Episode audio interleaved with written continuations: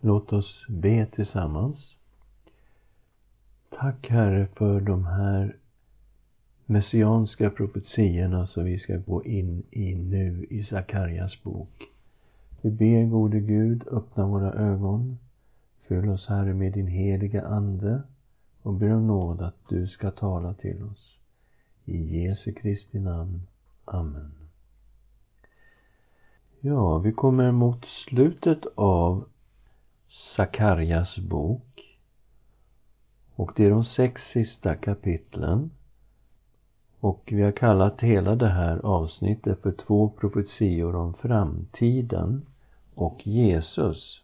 Och hela det här avsnittet kom sannolikt till efter att Persiens kung Xerxes, som i Bibeln heter Ahasveros, efter att han hade förlorat ett stort krig mot Grekland 481 f.Kr.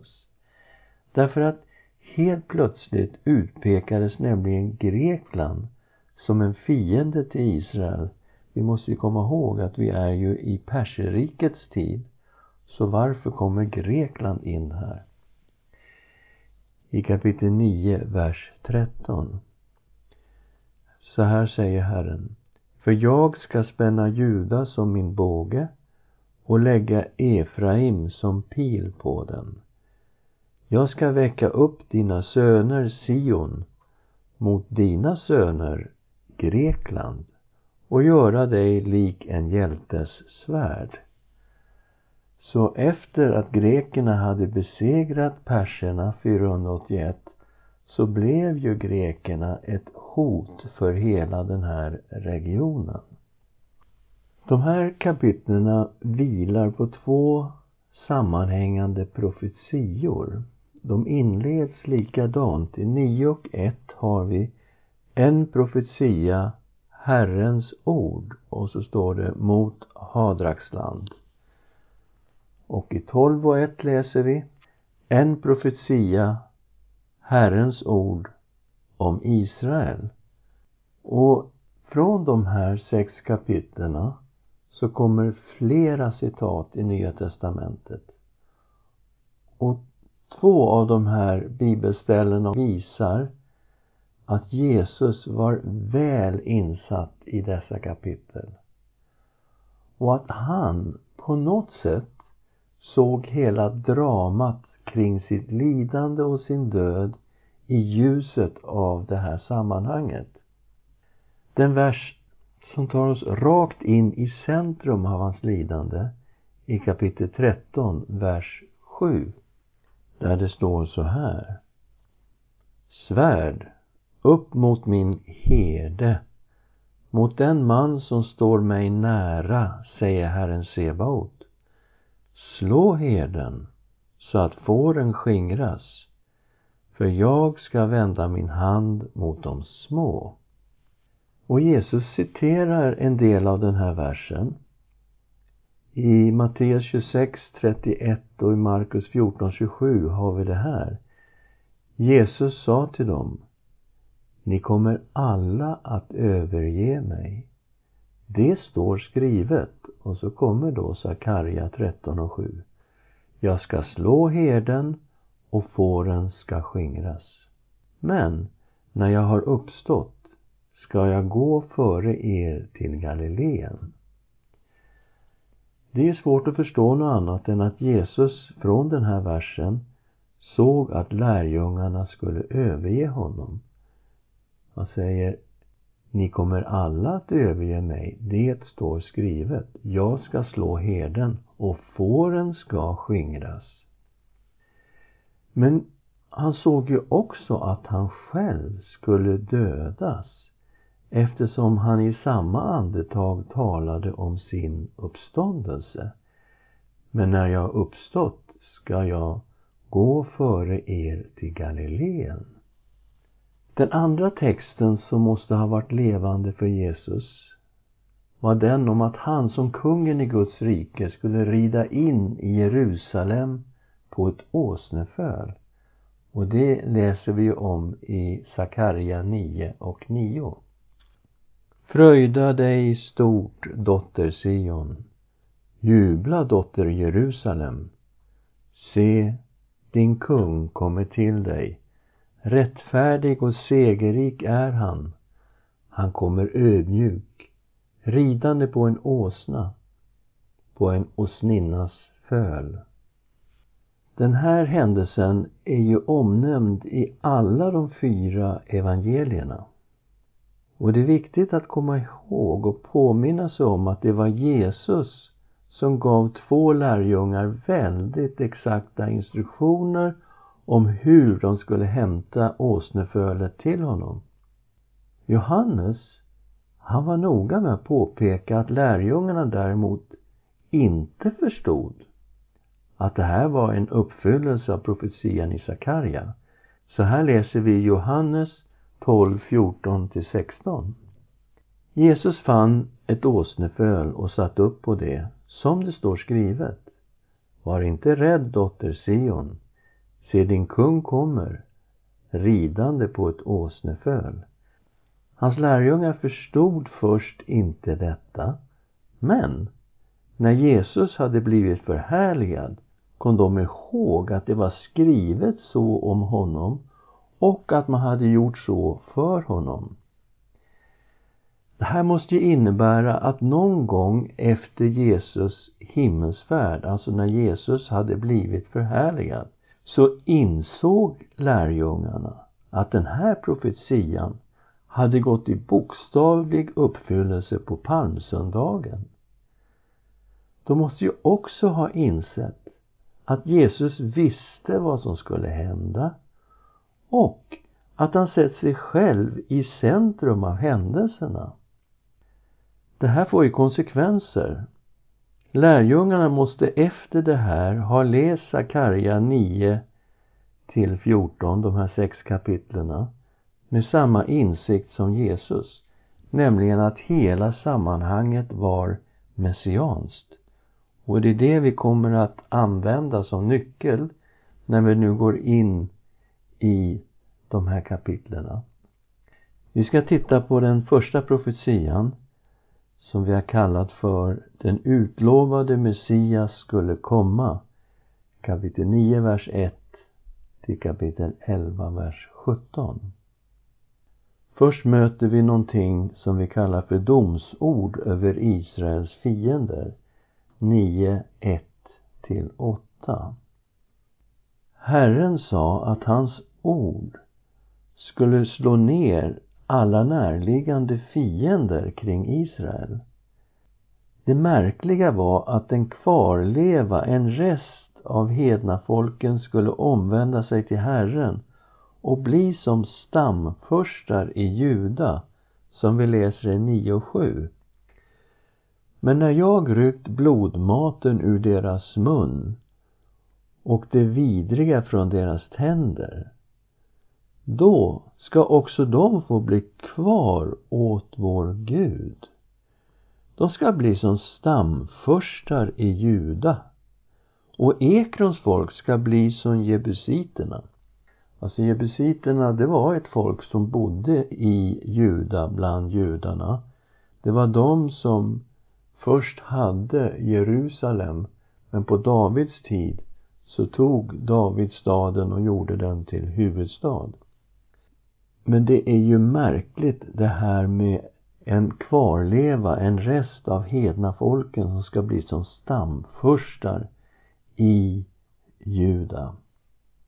Och när vi läser det här i ljuset av Nya Testamentet, ja då ser vi ju att evangelium gick till hedningarna och väldigt många vände om till Herren Jesus Kristus och blev en del av Guds folket. Och så kommer vi då till den här väldigt kända profetian. Kungen skulle rida in på ett åsneföl. Vi läser Sakarja 9 och 9. Fröjda dig stort, dotter Sion. Jubla, dotter Jerusalem. Se, din kung kommer till dig, rättfärdig och segerrik är han. Han kommer ödmjuk, ridande på en åsna, på en åsninnas föl. Så Jerusalems kung skulle vara segerrik och rättfärdig. Men han skulle komma i all ödmjukhet ridande på ett åsneföl.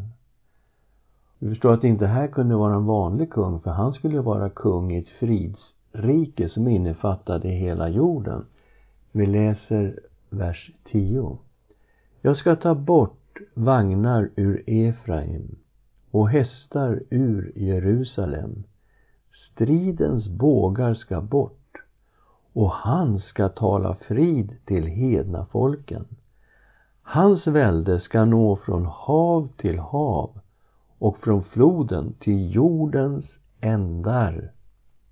Och vi ser en väldigt tydlig hänvisning till Messias. Hans storhet ska vara över hela världen. Och det liknar ju det vi läste om i Daniels bok där vi har Människosonens kröning i Daniel 7, vers 13 och 14. I min syn om natten såg jag och se, en som liknade en människoson kom med himlens skyar. Han närmade sig den gamle och fördes fram inför honom. Åt honom gavs makt och ära och rike och alla folk och stammar och språk ska tjäna honom. Hans välde är ett evigt välde som inte ska ta slut och hans rike ska inte förstöras. Och vi förstår nu att Messias ska vara kungen i det här fredsriket som vi har läst om i Jesaja och Mika och på många platser. Och när vi ser de här verserna i ljuset av Nya testamentet så ser vi ju händelserna kring palmsöndagen framför oss.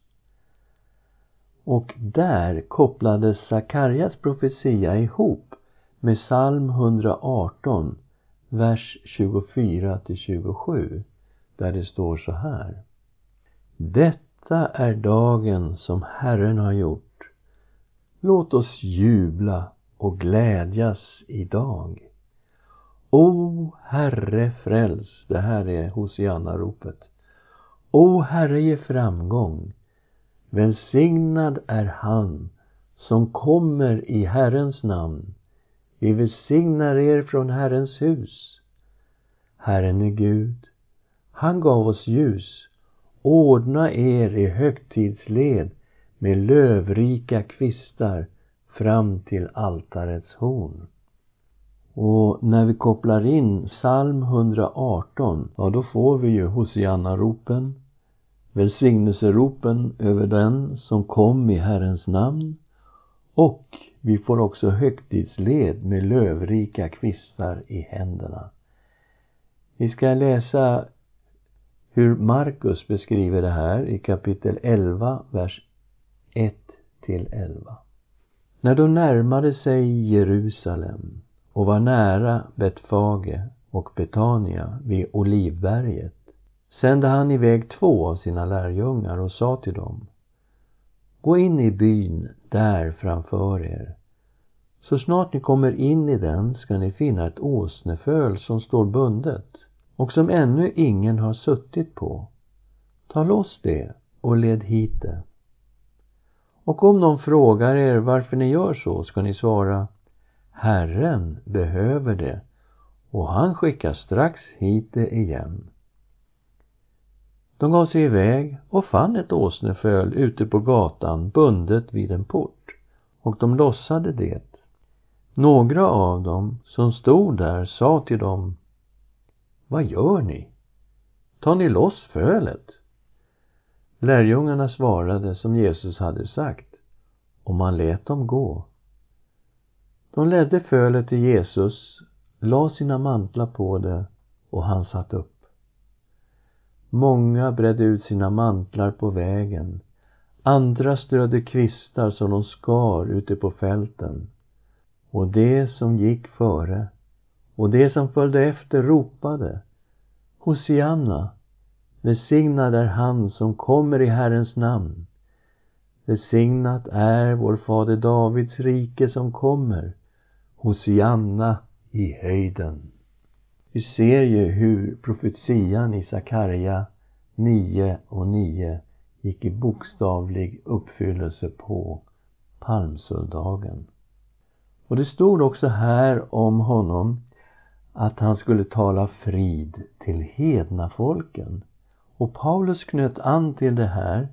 I Efesierbrevet 2.17 kan vi läsa Och han, alltså Jesus, har kommit och förkunnat frid för er som var långt borta och frid för dem som var nära.